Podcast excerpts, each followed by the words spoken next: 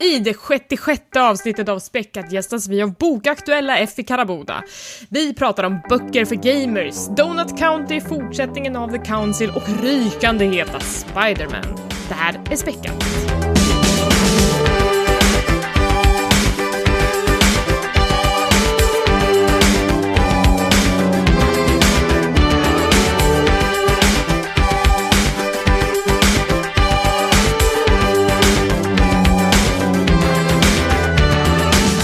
Och välkomna till Späckat, en podcast om spel och allt runt omkring. Det här är avsnitt nummer 66 och jag heter Elisabeth och idag är en speciell dag för vi har med oss en gäst men först och främst vill jag hälsa välkommen till Lisa!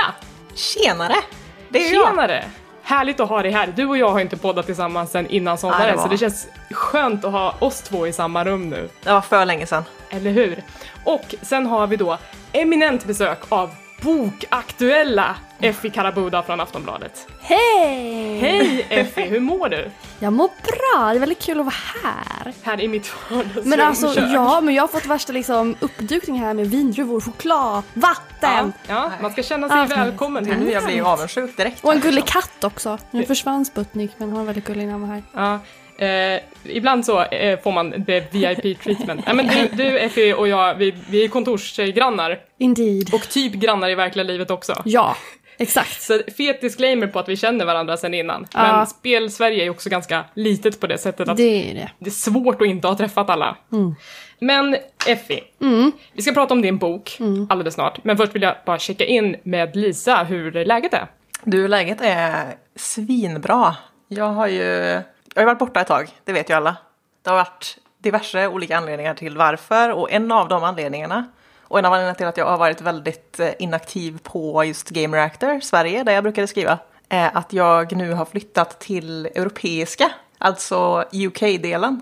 Hur fett är inte det? Det är grymt. Alltså stort grattis! Ja, det, det känns som en promotion. Ja, det, allt känns så mycket bättre. Jag trivs mycket, mycket bättre verkligen.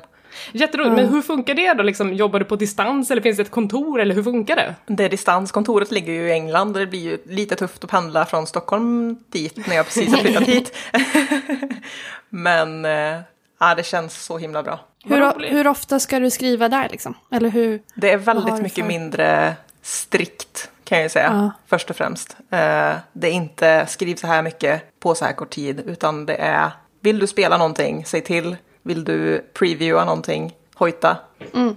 Eh, och redan nu är det ju mer, alltså ännu fler resor än vad jag är van vid. Det fick jag ju nästan aldrig ändå. åka på. Ja, jättekul.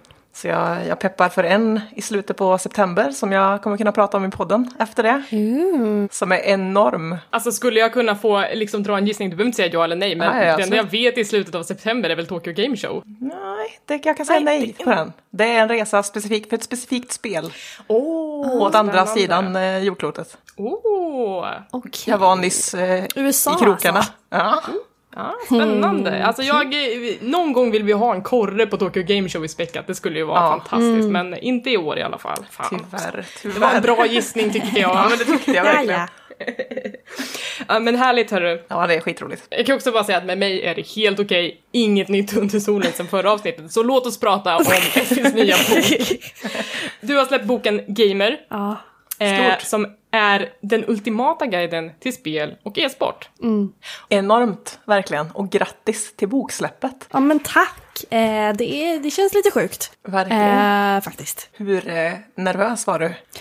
ganska nervös. Jag var rädd för att säga, men gud, har jag verkligen gjort någonting bra? Jag vet inte. Typ.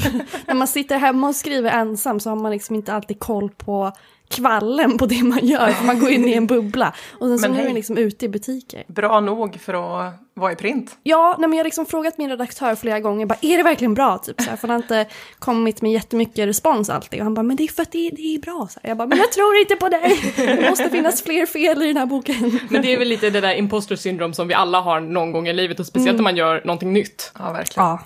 Men kan du inte berätta lite, hur, hur gick det till när den här boken kom till? Ja, alltså det var ju inte alls min idé. Utan det var ju Bonnier som hörde av sig och bara hej, vi vill typ ha en bok om spel. Jag tror att du skulle kunna skriva den för oss. Eh, vi gillar det du har skrivit på Aftonbladet. Och jag svarade ja typ direkt för jag tyckte det var en väldigt fet grej. Men sen så hade de, jag märkte att de kanske inte riktigt hade ett koncept färdigt. Eh, så då eh, började jag ja, men tänka ut en idé som jag tänkte skulle passa mig och en målgrupp som är ja, men, unga vuxna och tonåringar. Och så spånade vi fram en slags, vad ska man kalla den för, typ en coffee table-bok nästan. Um, ett lite tyngre typ spelmagasin fast i bokformat. Mm, jag kan ju beskriva lite, jag har boken framför mig här. Eh, den är ett lite större format, det är som en lite bredare än ett A4. Eh, den är inbunden, den är ändå, hur många millimeter tjock det borde du kanske ha Ja, det på? visste jag för några veckor sedan. Eh, men ska vi säga att den är kanske 1,2? Ja, jag satt ju och mätte på kontoret med ett litet band så här, för att se hur tjock den var. Men ja, Ja, men 170 sidor. Men den har ändå liksom en gedigen vikt. Det känns Mm. verkligen som, som du säger, en coffee table-bok. Den är, den är fin och det här fina illustrerade omslaget Ja, också. det måste jag Ja, säga. Det är. Jonas Åkerlund som har eh, gjort omslaget som jobbar för Isbit Games som bland annat gjort Zlatans spel. Just det. Eh, jag, jag såg hans illustrationer som han gjort för Zlatan där han var typ en så här cool superhjälte. Då tänkte jag att jag vill också vara en superhjälte. en cool spelkaraktär. Så då gjorde Omslaget han det. Är ju fantastiskt. Ja, det är, han är riktigt duktig. Älskar det. alltså. Så om vi, ska, om vi ska försöka förklara det här så ser man liksom Effie som tonar upp sig iför en rymdrustning som för tankarna till Mass Effect men inte Japp. riktigt. Eh, och tonar upp sig över en massa olika spelkaraktärer som känns bekanta men som inte är bekanta. Det är av copyright-skäl då. Of course, men, men jag tycker ändå att den, han har gjort ett så himla bra jobb i att få det att kännas som fan den här skulle kunna komma från det här spelet. Eh, eh, den är verkligen jätte, jättefin. Det måste ju kännas fint att ha den profilbilden nu liksom. Ja, nej, det är, jag är så himla himla glad över att han ville vara med på det här faktiskt. Och eh, så är det Marcus Karlsson Frost som har eh, gjort formgivningen också, som är känd från Level Just det. bland annat. Och det är väldigt färgglatt på insidan, det är liksom stora bilder, det är ett eh, tydligt färgschema eh, som går igenom i de olika sektionerna, den är så uppdelad i, vad är det nu? Eh, ja, det här borde jag kunna. Spel, speldesign, spelkultur och e-sport var inte den ordningen, men nästan. Ungefär. Good enough ändå. men, men hur gick det då till, du, fick det här beställningsjobbet från Bonnier. V- Var börjar man liksom? Mm, alltså jag hade ganska tydliga idéer av vad jag ville nå ut med till den här målgruppen. För jag tänker att det är en, en chans att liksom forma dem lite och deras bild av spelvärlden och ge eh, inspiration på ett nytt sätt och fördjupa liksom, deras spelintresse. Så att jag valde väl ut dels spel och spelföretag som jag tycker är intressanta men som jag tänkte eh, kan vara spännande för, liksom, för ungdomar också. Typ alla har en relation till DICE till exempel. Så jag körde ett bakom kulisserna reportage hos dem och gjorde en ganska, så här, ja, men ganska nördiga intervjuer med folk som jobbade på till exempel Star Wars och Battlefield. Jag snackade med en animatör som, som heter Karin eh, som fick berätta om typ hur man animerar Yodas lightsaber och hur man sitter och pillar i små program och en teknisk designer som heter Fia som eh, håller på med schematics och konstiga grejer som jag inte alls hade någon aning om men som var riktigt eh, tungt eh, jobb. Som jag hoppas kanske får liksom, unga att eh, bli peppade på att jobba inom branschen. Och sen är det lite mer lättsamma grejer, typ det här ska du tänka på om du besöker DreamHack första gången och, och e-sportquiz och sådana saker. Viktiga tips. Ja, Men du har flängt runt och gjort mycket intervjuer på plats, har varit Ja. på DICE liksom, har du varit, och på Verkligen. Star Stable också. Ja, va? det var flera veckor där jag bara så här, reste runt och spelade in intervjuer och höll på. Ehm, och eh, besökte bland annat UFOs XM och Kimmy Power, coola YouTubers. Just det, de bor i Örebro. Örebro, ja. härligt. så att, eh, mm, eh, det, var, det var kul att göra det. Men det, var, det bästa var att bara sätta sig ner med texterna sen och faktiskt göra det till, ett, eh, till material. Men då kan jag passa på att fråga, vad är den största skillnaden med att skriva så här klickraketer för Aftonbladet jämfört med att skriva löptext till en riktig bok? Finns det några stora... Det är väl just den grejen att så här, det är inte är lika kommersiellt. För att när man har köpt en bok, då har man köpt en bok. Jag behöver inte locka med eh, häftiga rubriker och klickigt innehåll. Utan det kan vara väldigt genuint. ehm, och eh, mer nyanserat. Att så här, det behöver inte vara hårdvinklat hela tiden. Och så här ser spelvärlden ut. Utan jag kan ha å ena sidan och andra sidan. Och resonera lite mer. Vilket jag tyckte var eh, härligt att få göra. Ja men det låter, det låter ändå som en, eh, vad ska man säga, fint att blanda upp med ibland. Ja, Du som också skriver Lisa, skulle du också känna typ att det skulle vara skönt att blanda upp med någon annat? Ja, men verkligen. Och jag måste ju säga att jag... Enorm cred till att du vågade köra, på, alltså köra i bokform. För det är ju ett enormt hopp ifrån de korta texterna som du är van att skriva. Ja. Alltså egentligen, alltså, men om jag ska vara, alltså det är inte helt olikt heller från det jag gör på Aftonbladet som det är i många intervjuer och så. Men det är absolut mycket längre format, det är väl det som, som skiljer sig. Mm, Skrämmande ändå. Och just den här boken har ju också det här lite grann med, med det är lite fakta ut och det är lite quiz och sådär så man känner ändå igen det du har gjort på Aftonbladet Exakt. Spela. Men ja, ändå ett, ett lite mer, både visuellt Ja. eh, men också lite längre format.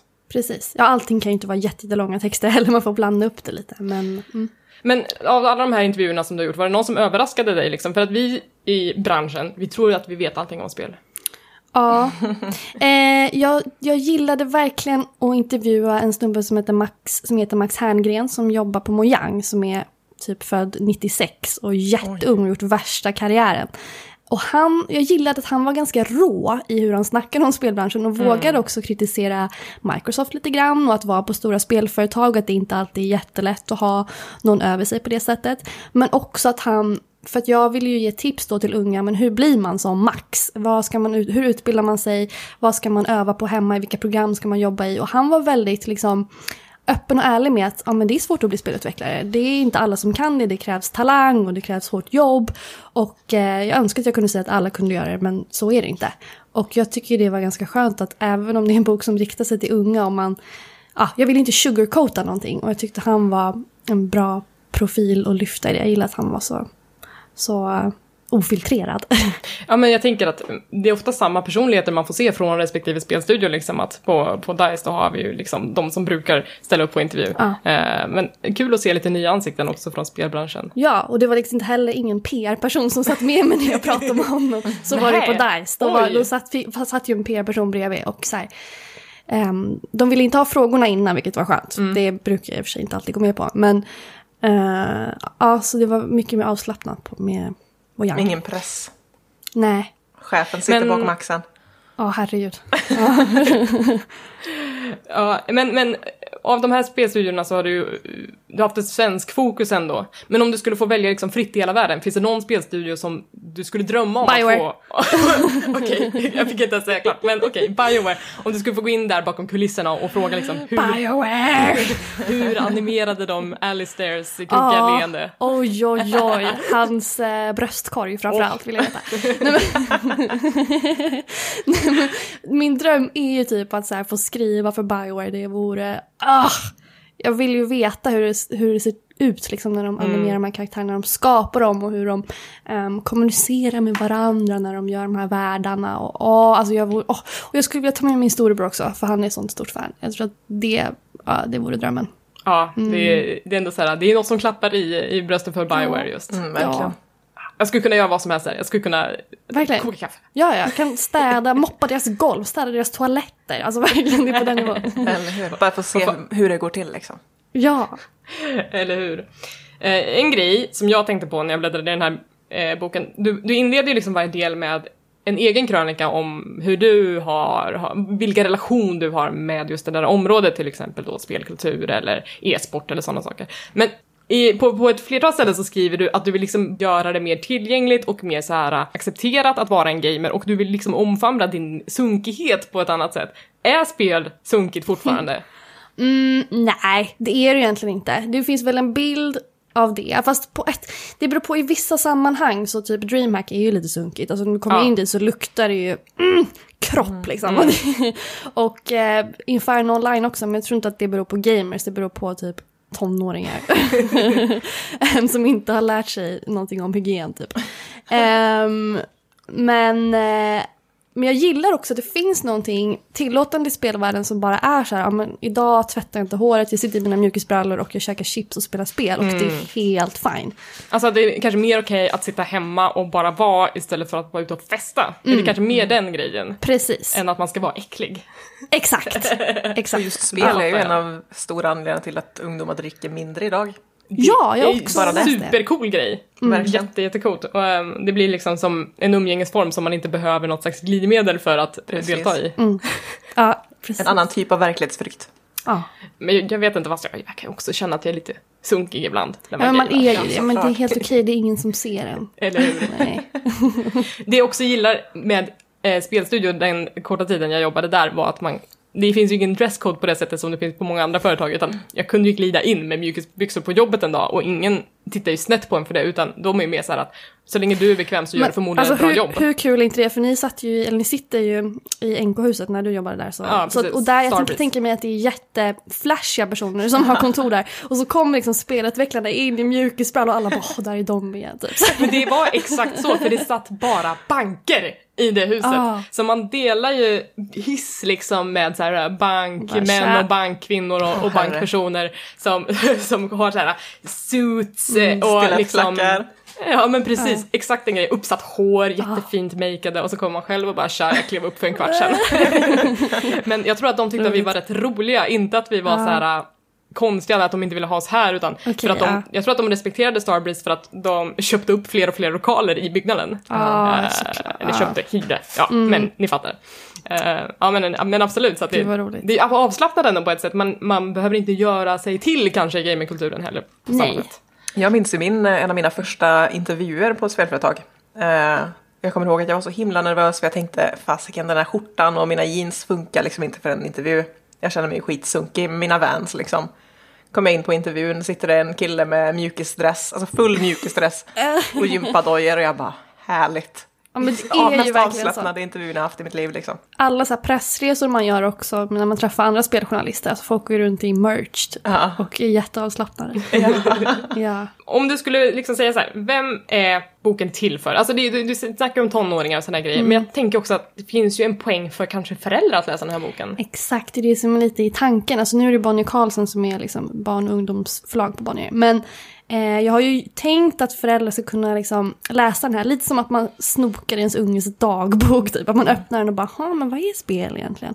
För att det är ändå skrivet på ett sätt som inte är exkluderande. Utan även om man inte kan jättemycket om spel så kommer man förstå det mesta. Så jag hoppas att föräldrar kanske får lite annan syn på gaming om de tar en titt i den här. Jag tänker perfekt bok för en förälder att köpa till ett barn som inte riktigt vet vad barnet ska göra med sin spelhobby eller liksom, jag spelar men vad kan jag göra med det för att det finns ju liksom e-sport, cosplay, spelutveckling. Precis. Alltså vad du vill göra med det egentligen. Starta en förening, alltså Ja, sådana grejer. Eh, men, men vi fick en fråga på Twitter från eh, Robert Karlsson som undrar varför finns det så få böcker riktade till oss äldre gamers? Mm, gör verkligen det? Jag tänker att det, det finns ju, alltså, mm, de som gör level, alltså Reset Media har väl lite ut många så här retroböcker och sånt där. Mm. Eh, jag tänker att det kanske snarare är det fokuset man har om man skriver för äldre gamers, nostalgi och, och lite sånt. Jag tänker att det har kommit eh, svenska böcker om arkadhalskulturen, insert coin. Svenska spelhistorien och liksom åtta bitars den boken. Um, Och sen på, på internationell plan så har jag också sett böcker, eh, dels som jag läst själv, eh, men också som jag sneglar på, som jag vill läsa. Som, de blir mer nischade också på det sättet att dels den här eh, Blood, Sweat and Pixels, eh, som Kotakus är det Jason Schreier som har Jag skrivit tror den? Med så här djuplodande intervjuer från spelbranschen. Den är ju inte tillgänglig för unga personer utan den är ju för folk som vill förstå eh, businessen bakom. Men sen finns det ju också mycket böcker om EVE Online. Som bara försöker eh, göra en historieskrivning över alla krig som har pågått i EVE Online. Gud, Ja, det. Det är ju inte heller lättsmält. Det är bara alla, alla lore-böcker. World of Warcraft har väl ett par stycken. Dragon Age har ett par. Ja, Så. gud, de böckerna är underbara. Ja, verkligen. När man är mer luttrad som gamer finns det också någonting man kan berätta för dem egentligen. Nej, det är ju också, ja precis, det är ju det. Vad finns det som de vill veta? Maila till Effie Karabuda. Ja, exakt. Gamer del två. Jag kan tänka mig att det är, det är väl mest insider-information som är intressant. Ja, Det hade ju jag helst velat läsa om äh, specifikt. Eh, men, men, och sen så finns det ju också en liten, det känns som en safe-sida i den här boken, ett uppslag, som är en intervju med en psykolog, Ja. eh, som också är en gamer. Där du ställer de vanligaste kanske frågorna om just gaming, överkonsumtion, våld, sådana saker. Den känns ju som att den finns där för föräldrar främst. ja, jag ville ändå ha den för jag tänkte att så här, ja, det känns som ett bra komplement. Men jag ville göra det på ett sätt som var lite roligt. Eh, så jag ställde väl frågor som är typ så här, ja men när jag var liten så trodde min mamma att min brorsa skulle bli mördare för att han spelar CS. Stämmer det? Kan det hända? Eh, och han bara nej. Fast det roliga med honom är att han är ändå ganska eh, nyanserad och så här, man kan bli jätteberoende, det kan också gå bra, man vet aldrig vad som händer, man kan bli avtrubbad av spel. Så han ger inte alltid de svaren man vill höra. Men ehm, Viktigt Eh, också.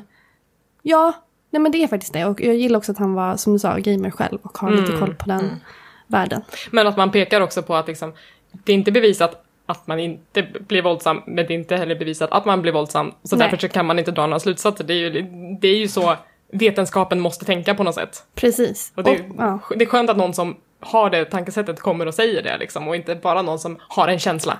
Nej, Precis. och han, hade ju, liksom, han har ju forskat jättemycket och läst många rapporter om det där. Så att han har verkligen koll på, på läget också. Gud vad intressant. Eh, Patrik Severin som ställde flera frågor om boken. Jag hoppas att du har fått svar eh, på dina frågor som du ställde på Twitter, för vi har gått igenom boken ändå ganska grundligt.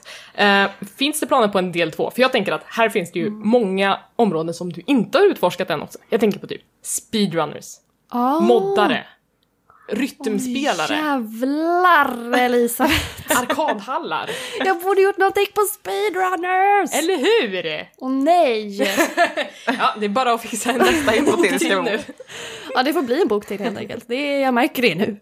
En hel speedrunning-bok. Ja. Ja. Men eh, det här är alltså Gamer. Den är skriven av Effe Karaboda och den finns överallt. Överallt. Akademibokhandeln, Bokus, Adlibris, eh, you know it. Perfekt.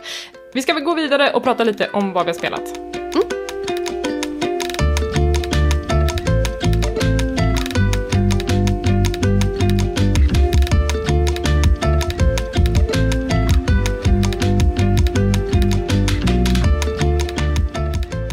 Jag kan starta det här segmentet med att berätta om ett litet, litet, litet spel som jag spelade i förra veckan, som kom förra veckan.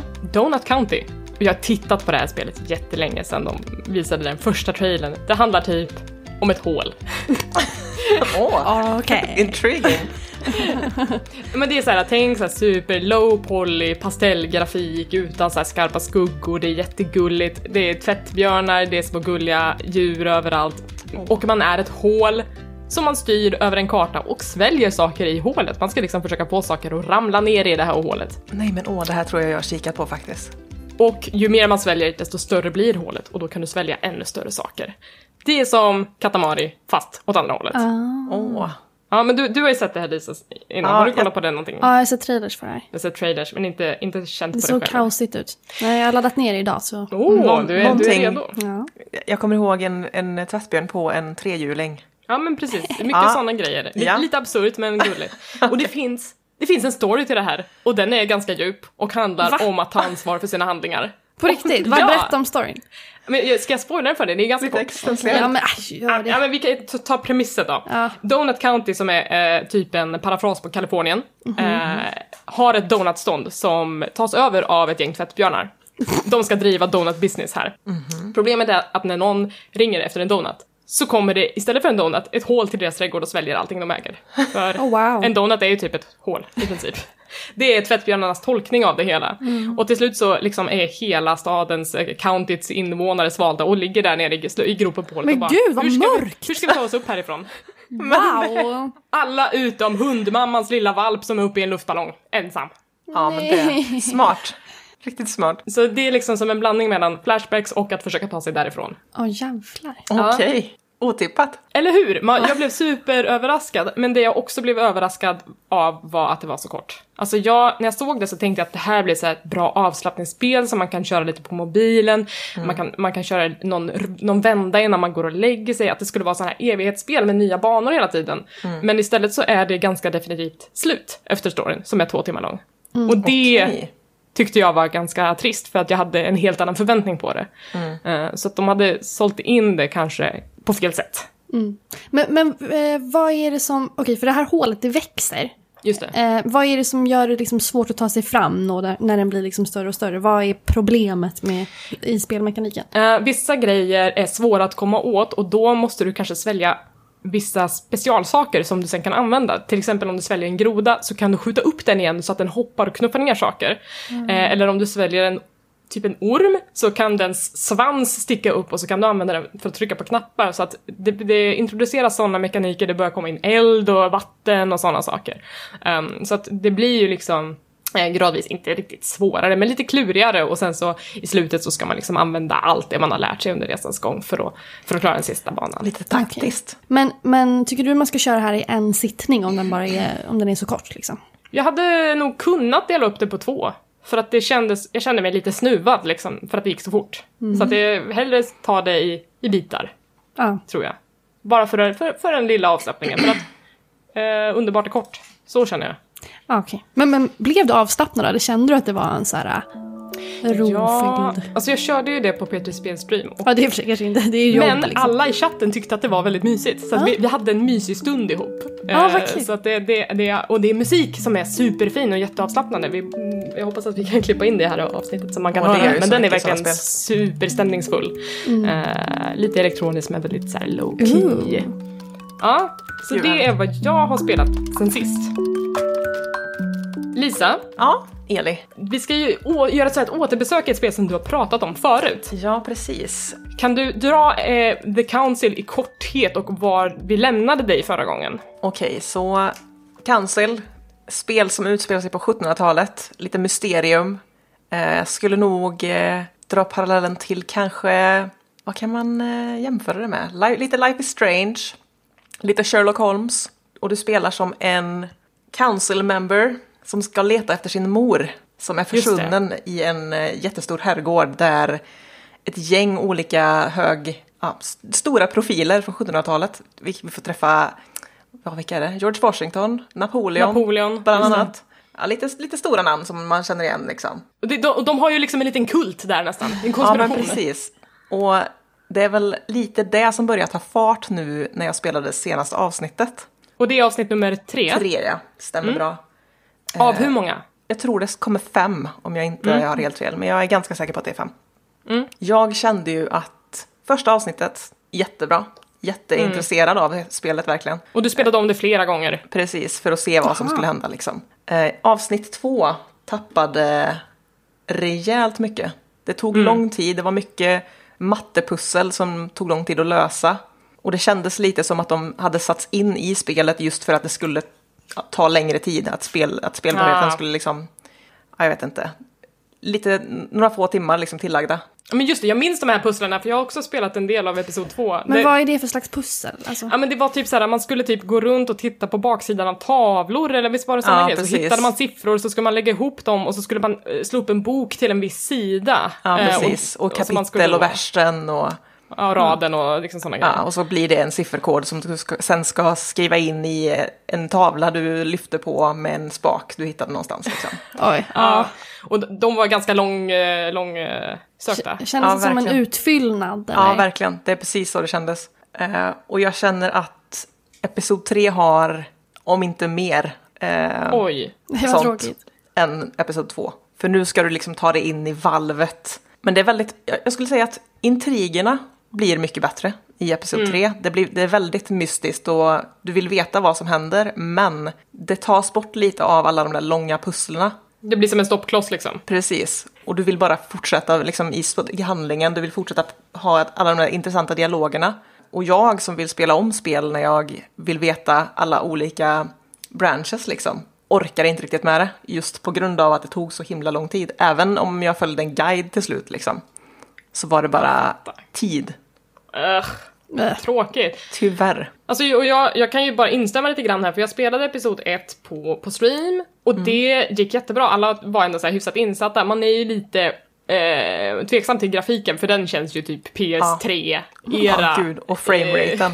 Ja, dessutom. Oj, oj, oj. Men, men, men man förlåter det för att historien är ganska intressant och röstskådespeleriet är ganska roligt och sådana grejer. Precis. Men, men sen när jag streamade episod 2 så kändes det som att jag bara tappade ångan totalt för att jag blev så frustrerad med de här pusslerna. Chatten tyckte inte det var kul att titta på liksom. Och, och jag hann inte ens klart med kapitlet för att det var så många grejer som kändes som frågetecken. Ja, precis. Inget streamspel skulle jag nog inte säga. Nej, alltså, och, och, och då var ändå episod 1 helt okej för det. Ja. Men sen så blev det bara jättesegt på något Ja, sätt. de, de tappade otro, otroligt. Och det är jättetråkigt för jag är verkligen intresserad av storyn. Jag tycker det är kul att veta liksom mer. Och jag vill verkligen fortsätta, men all Vilken den tid jag lägger på liksom. utveckling. Man vill Ja. nästan hellre att det är lite trögt i början, att Ja, man sen precis. blir överraskad över att det liksom blir bättre och bättre. Ja, jag håller med verkligen.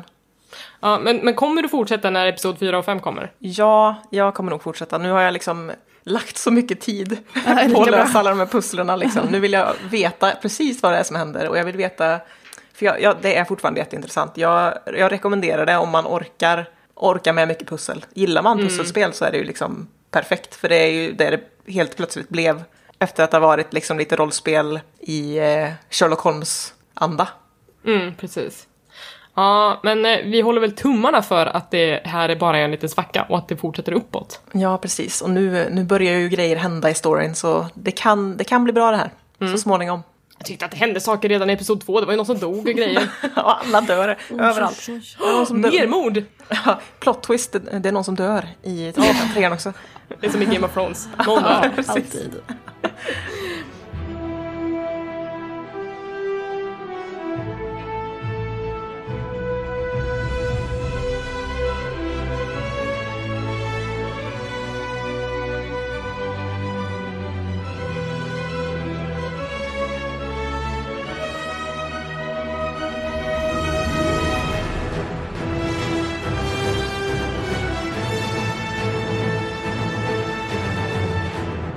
Vi har ett spel till som vi ska prata om idag och det är kanske veckans huvudperson. Det är Peter Parker alias Spindelmannen som svingar sig in på Playstation 4 exklusivt överallt idag när det här episoden släpps. Och Effie, du har känt på det här spelet ända in i mål. Ja, jag har herre. känt på, jag har levt Du har med det. levt Spindelmannens liv. Du andas Ja. Spindelmannen. Ja, men det kändes verkligen som att jag blev Peter Parker där i slutet. Jag bara, men alltså, nej, det var så drömlikt. Och jag är rädd för att jag är inne i den här bubblan fortfarande och sen om någon vecka kommer jag bara, vänta, vad tänkte jag? Men alltså, det var verkligen helt, helt otroligt. Jag vågar inte riktigt säga att det är årets spel, men eh, någonstans där. Alltså jag gav det ju 5 plus, så det är verkligen Hur många spel har fått 5 plus hittills i år? Mm, alltså jag, jag tycker att 5 plus är sånt himla vulgärt betyg. Ja. Men jag tror jag kanske satte, jag satte på ett mobilspel i alla fall vet jag, kanske två. Mm. Ja. Ja, det är inte många som får äran att ha 5 plus, men, men. Spider-Man tar alltså hem det. Men, men eh, det har ju kommit ett gäng Spider-Man-spel. Har du liksom spelat något av dem Jag innan? har faktiskt inte det. Dels för att jag har hört att de har varit så lökiga så då har jag liksom hållit mig undan. Jag vill inte paja för att alltså Spiderman är ju en av mina favorit Marvel-hjältar. Jag gillar liksom att han är så mänsklig och så superhjältig på en och samma gång. Att det finns en konflikt i honom att han är ganska osäker kille, i alla fall i sitt privatliv. Eh, men väldigt självsäker som Spiderman. Eh, och har mycket humor och känns som bara så här vanlig kille som lever ett vanligt liv och sen så, ja. jag gillar honom, han är sympatisk som, Ja, men som precis. karaktär. Och man kan identifiera sig med honom. Lisa, har du kört något av de gamla spelen? Jag spelade faktiskt Spider-Man till PS2 när det begav sig. Och jag älskade ju det otroligt mycket. Eh, spelade även första spelet. Eh, men jag har ju hört att de inte åldrats speciellt väl. Så jag har inte gått tillbaka till dem på Nej. Många år. Som med så många andra. Men, men var, var i livet träffar vi Peter Parker i det här spelet? Ja, alltså han är ju ganska rutinerad som Spiderman nu. Han har jobbat som Spiderman ska säga, i flera år. Och eh, jobbar samtidigt som forskare med eh, en eh, Dr. Otto. Åh, oh, och bygger liksom lite cyberarmar och allt möjligt. Så han gör det här vid sidan av och samtidigt så har han breakat med MJ så det är lite Aj, aj, aj. jobbigt. Oj, ett öppet där. sår. Ja, och de träffas fortfarande och pratas vid men det är li- lite stel eh, stämning. Så att det går jättebra för honom i jobbet men dåligt på, i privatlivet. Mm, jag fattar. Och, och, och, Och, Otto eh, Octavius är ju den enda Spider-Man-skurken jag alltid varit rädd för. Ja. You're in for a tweet, antar jag. Ja. kan Han ju bara gillar att ana slå vart det här var. Ja. Ja, Den gubben Ja. alltså. läskigt. Ja, det finns, ja. Nej men eh, spelet börjar ju också med att han ska ta ner eh, fisk. Eller, eh, ja precis, att han tar ner hans, eh, vad ska man säga, kriminella imperium. Och man tror att det här är liksom the bad guy i spelet, men nej. Utan det finns en annan liten skurk som heter Martin Lee som jobbar med Peter Parkers eh, faster på ett härberge. Och han har liksom blivit helt galen och går runt och bär masker och eh, har konstiga krafter. Eh, Mr Negative. Så att eh, det, eh, det är ganska klyschigt spår egentligen story, men man förlåter det för att det är så himla härligt open worldigt. Jag brukar inte ens gilla open world, men eh, Insomniac Games har verkligen fångat New York på ett helt alltså brutalt sätt. Det är nästan, det känns, jag vet inte om det är det, men det känns typ skalenligt. Och eh, man kan ju verkligen, så här, "Ja, men här är Times Square och här är Chrysler Building och Central Park. Man känner igen små landmärken överallt och det är det som är så otroligt häftigt med, med det här spelet. Ska man säga att staden är huvudpersonen egentligen? Ja, är lätt. Det är ju verkligen det som gör att man bara vill typ så här svinga runt och springa på hustaken och på fasaden och titta in liksom, här bor någon i den här lägenheten och det här townhouset och den här restaurangen, vad händer där? Och liksom råttor som springer förbi på, på gatorna och någon som ropar på en taxi. Det är liksom, man känner att New York är väldigt eh, levande i spelet. Och ja, men jag skulle bara vilja liksom svinga runt där hela dagen och göra hans små liksom, sidouppdrag som nästan är roligare än själva storyn. Att liksom, hjälpa någon stackars hemlös eh, gubbe hitta massa duvor som har flugit bort eller stoppa knarklangare. Och allt det där går liksom hand i hand med eh, main storyn som, som också är, som är spännande. Men, men de här sidouppdragen verkligen bygger upplevelsen på ett helt nytt sätt. Mm, det känns som att det är många spel som nu försöker trumfa varandra i att göra levande städer, att det blir liksom Verkligen. den största utmaningen i alla de här Ja. open world-spelen. Jag menar, eh, du kikade ju på Cyberpunk på Gamescom och på E3 Ja. Lisa och, och där Red har Dead Redemption är ju också... Ja, ja, men precis. En levande värld där också. Att open world ska inte vara trist att gå runt i, utan det ska, Precis. man ska hitta något nytt runt varje hörn. Mm, precis. så att, jag vet inte, vi- kommer vi bli överväldigade av alla de här spelen med de här städerna? Men det roliga med Spiderman är ju att det är en stad som existerar på riktigt. Det är ju väldigt Ah. tacksamt för Insomniac Games att jobba med det som grund. För att det finns så häftiga saker redan i New York som man kan liksom Precis, använda. det Det Så finns mer en ande att fånga än en ande Ja. att hitta på. På något Exakt. sätt. Ja men kul. Hur är combat? Mm, det, alltså, jag testade det här spelet i, vad fan var det då, juli. Och då hade jag väldigt svårt med combat. Men det var för att jag totalt liksom missuppfattat hur man skulle göra det. Så nu när jag spelar gick det jättebra. Och det är för att jag håller mig i luften typ hela tiden. Och det är det man måste eh, göra. Och använda liksom Spidermans gadgets och elnät och små liksom, hjälpredor och allt möjligt. Ehm, och attackera från luften och hänga i saker. Och smyga sig fram och kasta mycket eh, lådor och tunnor. Och, Ja, så dra han- ner prylar, alltså utnyttja omgivningen. Jag har ju Ehm, hört mycket ja. om att det ska vara väldigt likt eh, Arkham-serien. Ja, li- ja, det är det på I ett tyngden sätt. men liksom. Jag, jo, men exakt. Jag förstår vad folk menar när de säger det. Men jag mm, tycker också att det är lite mer plojigt och kanske lite bättre tempo i, i Ja. Spiderman. Mm. Ja. För jag menar, han är ju alltid i rörelse känns det som när man tittar Precis. på, på, på gameplay från det här spelet. Alltså det känns som att eh, man får ett till ett sånt jävla momentum med de här lianerna som man svingar sig i och, och Ja, men klamrar det, sig fast vid. ja, det är det som är grejen med Spiderman, att han kanske inte är världens liksom, starkaste spelkaraktär, men han är sjukt snabb. Och det är det man försöker utnyttja hela tiden. Och liksom attackera från olika vinklar där fienderna inte, mär- inte märker av en och, och sånt där. Och vara liksom, ja, få ha ett bättre fokus i, i spelet. Som jag tycker. Precis. Är det några schyssta cameos? Jag menar, det har snackats lite om typ eh, Miles Morales eh, och liksom sådana grejer. Kommer man få se sådana? Ja, jag tycker du ska spela och ta reda på det själv. Nej, men, eh, eh, jag, var inte, jag var inte missnöjd i alla fall. Du var inte missnöjd med, eh, Säga. Inhoppen. Nej, det var jag inte. Men, men storyn är kanske det, det låter som att det är det som är svagast kanske. I, Ja, alltså man hinner knappt reflektera över den för att det går så snabbt och det är så härliga sidouppdrag. Men den är inte, ja, den är inte dålig på något sätt, men det är inte så här gud vad nytänkande och fräscht. Eh, det är det ju inte. Men det är samtidigt exakt kanske det man vill ha av en Spiderman-story också. Just det. Fråga från våran eh, panelmedlem, tillika din kollega Per Landin, Ja. undrar vad tycker du om Mr Negative som huvudskurk i nya Spiderman? Mm, jag tycker att han är intressant för att han har en privat koppling till Peter Parker, eller snarare till hans faster då.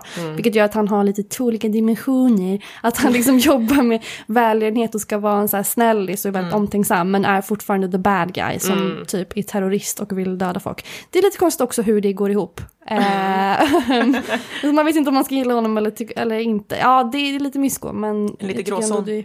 Ja, men jag tycker ändå det är... Ja, man får väl ge dem någonting att de ändå inte bara gjort honom helt liksom... Vem är, vem är mest svår att hata av Mr Negative och Thanos i Infinity War? Mm, mest svår att hata. Som har ändå någonting i sin ideologi som man Thanos ändå... kanske. Ja.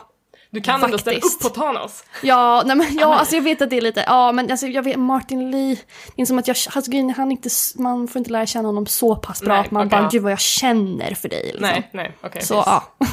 inte Du riktigt vet att han håller på med välgörenhet. ja, ja Vem gud. vet vart de där pengarna går Oh, lord. någonstans. Ja. Ja, jag ser jättemycket fram emot det här spelet. Jag tror inte att det kommer bli en day Mm. one-grej för mig, men jag hoppas kunna köra det innan året är slut för att det känns som en sån här het, gotig potatis. Ja. Nej men det är helt otroligt i 4K. Jag var inte alls pepp på Spiderman men jag har ju börjat komma på hype-tåget nu när jag har sett alla recensioner. Ja, när Ja, folk har börjat få faktiskt känna på det. Ja men precis. Faktiskt. Eh, men är det något mer du vill tillägga om eh, Spider-Man? Vad är det jag vill till? Jo, jag tycker att MJ är jävligt cool också. Ja, har hon en Ehm, stor roll? Ja, men det tycker jag nog att hon har. Hon är ju spelbar i vissa sekvenser också. Oj. Vilket jag tyckte om. Eh, så att hon kan ju inte riktigt slåss som Spiderman, men hon kan smyga sig fram och använda vissa, liksom, hon kan lura bort fiender och sådär. Och hon är en väldigt witty journalist som är passionerad över sitt jobb och så här. Jag tycker de har en rolig relation också, Peter Parker och MJ, som, som utvecklas. Vad kul. Du, du sa ju att, han mådde, att det var jobbigt nyss, men det är en rolig relation. Ja, det ändå. är jobbigt, det är, bara, alltså, så här, det är lite stelt. Men Ja, det, det är också, man gillar när de är så här, ja men pikar varandra och håller på. Ja, man vet liksom att ni kanske, ni kanske gillar varandra Ja, egentligen. exakt. Ah, fattar, fattar. Ja, spännande. Kul att det är både mjuka och hårda grejer i, i nya Spiderman. Exakt, det är det man gillar.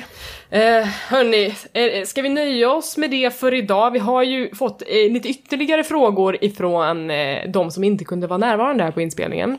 per har en fråga som är, är Yoshi verkligen en, dinosaurie? Så bra fråga. jag visste, jag und- är det här en grej? Jag tänker mycket på det här själv också.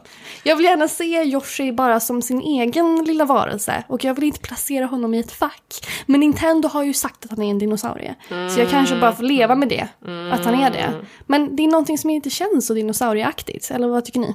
Jag jag tycker ju att, att det är en Yoshi. För att jag menar när du går Ja. till Yoshi's story så har du ju Yoshis i olika färger. Exakt. Bra poäng. Så att den gröna Yoshi är ju en Yoshi Ja. liksom. Eh, men om man tittar på den där eh, vidriga live action-filmen Super Mario så är ju Yoshi en typ Velociraptor. Ja. fel. Ja, Helt så, fel. och jätte, jättekonstig alltså och, och ingen gemytlighet i den Nej, eh, överhuvudtaget. Inte kanon. inte kanon. Det är som frågan om, om Toads huvud är en hatt. Eller om det är hans det- huvud. Ja, exakt.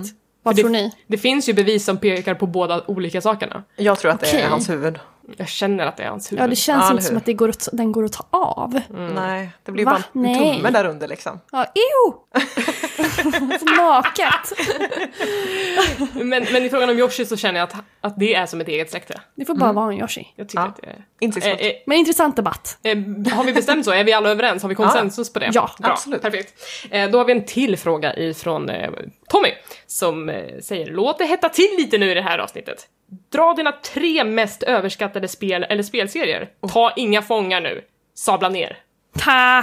Okej, det här var ju faktiskt lite svårt att komma på för jag, det är jobbigt att trasha så här. Mm, men jag Men- förberedde dig på det här så att Ja, du skulle kunna få fundera på Men det. eh, jag tycker faktiskt att Metal Gear Solid är överskattat. Oj, det är en helig ko. Jag håller med där Och ska då, jag säga. Ja, och då har jag ändå så här en storebror som är stort fan och jag har liksom spelat med honom när det varit till hela Psycho Mantis, bossfighten och koppla in player 2 och bla bla bla bla. Vilket var väldigt häftigt men jag själv har aldrig riktigt kunnat fastna för det för att jag tycker att det känns liksom segt och eh, för matigt och ganska liksom, jag, jag märker att Hideo Kojima är så självcentrerad på Ja, många sätt och verkligen. försöker få in sin vision utan att riktigt kompromissa eller ta in andra röster i eh, sin spelutveckling. Och jag tycker det är också bara för komplicerat system, typ. alltså fighting-system. Och jag blir så otålig när det gäller att smyga sig fram. Jag vill bara in och fightas och bara kötta på, vilket inte alls är den taktiken man ska ha i Metal Gear Solid. Just det, mer sny- smygigt. Ja, nej det är inte jag är stort fan av. Så att, ehm, Ja, det, det, det är ett, Väldigt pretentiös serie Ja. skulle jag säga. Eller är det Metal Otro Gear 1, 2 och pretentiös 3? är verkligen ordet. Ja, visst är det. ja, det är ja, för mörkt, pretentiöst mörkt på ett sätt Ja. som inte...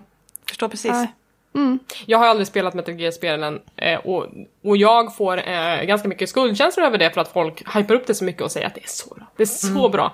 Eh, men det känns skönt att höra en annan röst om de här spelen som säger att det kanske inte är så bra. Nej, alltså jag tror att folk bara blir lite, um, förtrollas lite av Kojimas liksom, sätt att berätta och tycker att han är lite mystisk och spännande, att han är lite filosofisk och att alla kanske inte riktigt förstår vad det är han gör. Och när de inte förstår så tycker de att men det här är någonting stort och häftigt i så fall. Som jag man bara. Precis, som jag kan, kan här, knappt greppa och förstå. Och, men är det verkligen en bra grej? Alltså, jag tycker att när det, ibland när det är lättillgängligt så är det supercoolt. Liksom. Ja. Ja, det kan Ja. vara det också. Ja, faktiskt. Har du någon mer ko att slakta? Ja, Zelda Breath of the Wild. Åh ja. Ja! Nej, vad är det här? Eh, för Aftonbladet så satte ju Jesper 5 plus. Om jag hade fått recensera hade jag satt 2 plus. Men då är det vad faktiskt mest open world-aspekten som jag hade problem med. Mm. Att plocka pinnar eh, och liksom grinda på det sättet, det är inte vad Zelda ska vara. Jag saknar liksom det mer linjära från typ Ocarina of Time och där det fanns en annan mystik. S- jag tyckte att Zelda Breath of the Wild försökte härma för mycket Ja, men det som är lite trendigt nu. Ja, Eh, lite och ta det konceptet. Gör ditt eget äventyr. Ja, och de borde bara gå tillbaka till liksom mer Nintendo-kärnan. Um, så jag blev väldigt besviken av det spelet faktiskt. Jag hade ändå kul med det, men jag kan förstå att man, man saknar Zelda-kärnan. Eh, absolut. För jag- För jag gillade ändå de bite-sizade småtemplerna. Jag tyckte att det passade mig mycket bättre just då. För att det finns någonting frustrerande i att gå vilse i vattentemplet. Eh, ändå. Eh, som, som det kan vara skönt att ta en paus ifrån ibland. Men jag skulle gärna vilja att nästa Zelda kanske hittade lite tillbaka till det lite mer linjära. Ja. Jag håller med. Uh, ja, men jag, jag menar, jag, jag uppskattade Breath of the Wild, men det, det är dina mest överskattade spel så jag ska inte argumentera emot här för mycket. Har du en tredje? Jag hade en tredje men nu har jag glömt bort den. Om du funderar, kan, ska Lisa dra något som är överskattat om du har något? Jag har ju en som kanske blir väldigt eh, kontroversiell. Jag har ju Oj. Uncharted som en av mina, de jag, ja, jag vet inte, mest överskattade spelserien någonsin efter Metal Gear, enligt mig. Den är ganska överskattad. Jag håller Visst är med. den? Visst är den det? Jag tycker att Den är är- trevlig. Jag, Ja, ja. jag hade inte tråkigt när jag spelade de spelen och jag förstår att fyran är ett grafiskt underverk. Och det är det verkligen, herregud. svinasnyggt. Men de här klättringssekvenserna och Ja. den oändliga strömmen av fiender är så Du- tråkig. Det jag stör mig på mest med Uncharted, det är alla de här ambush-sekvenserna. Ah, så tråkigt. Varenda gång någonting händer så är de alltid framför dig.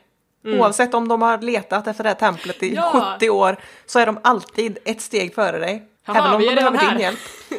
Alltså, ja, jag gillar ju ver- jag fattar, Det finns ju mycket upprepning i det. Eh, I, de, I den spelserien. Men jag tycker att Ja. skådespeleriet är så otroligt bra. Att Det det, väger upp så mycket. Och animationerna, liksom, bara hur de minspelet. Ja, faktiskt. Det är, ju, det är ju imponerande på många sätt. Ja, visuellt är det ju fantastiskt. Men nu så håller jag på att spela igenom med lite backlog inför Tomb Raider. Jag spelade igenom nu första rebooten av, av eh, Lara Croft-spelet som kom 2013.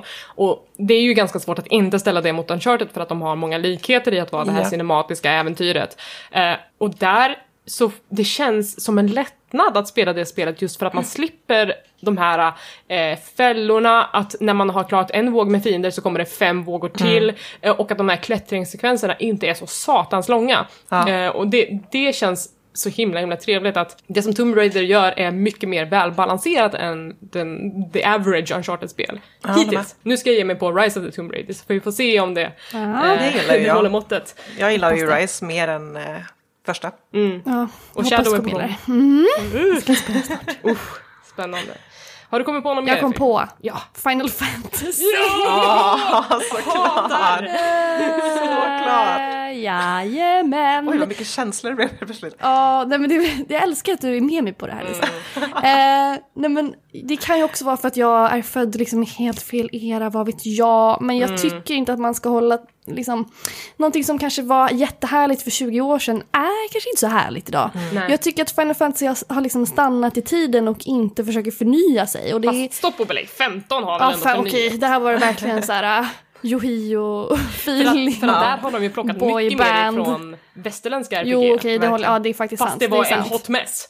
Det var en hot mess och jag hade svårt för det på många olika plan. Och vilken vattendelare det var. Ja, det var det. Ja, gud, det var många som... Ja, jag har fått så mycket skit för den recensionen för att jag gav det 2 plus. Ja. Eh, Ja men det Men är det sådär är- verkligen älskar, älska, hata spel. Åh! Oh. hallå smurf! Men, nej men för att jag, jag kände liksom, jag bara gud vad det här är konstigt, den här designen är så konstig, det här, Mm. den här storyn, it, it makes no sense. Men jag satt ändå där i timmar och timmar och timmar och bara jag älskar de här pojkarna så mycket, det här är det bästa jag gjort i hela mitt liv, jag vill bara åka bil Men med det dem för var alltid. verkligen konstigt det ordet. Alltså det var helt... Nej, jag var förbluffad över Mm. hur märkligt det var. Men om man tittar tillbaka så känner jag exakt samma sak. Alltså att jag förstår att Final Fantasy 6 och Final Fantasy 7 speciellt gjorde någonting med sin respektive generation. Men Mm. Ja. precis som jag hyvlade Oct- Octopath Traveler så vill jag ju hyvla de där RPG'n för att hade ni spelat dem för första gången idag så tror jag att det hade varit lika jävla segt Japp. som, ja, Japp. Och som jag upplever det.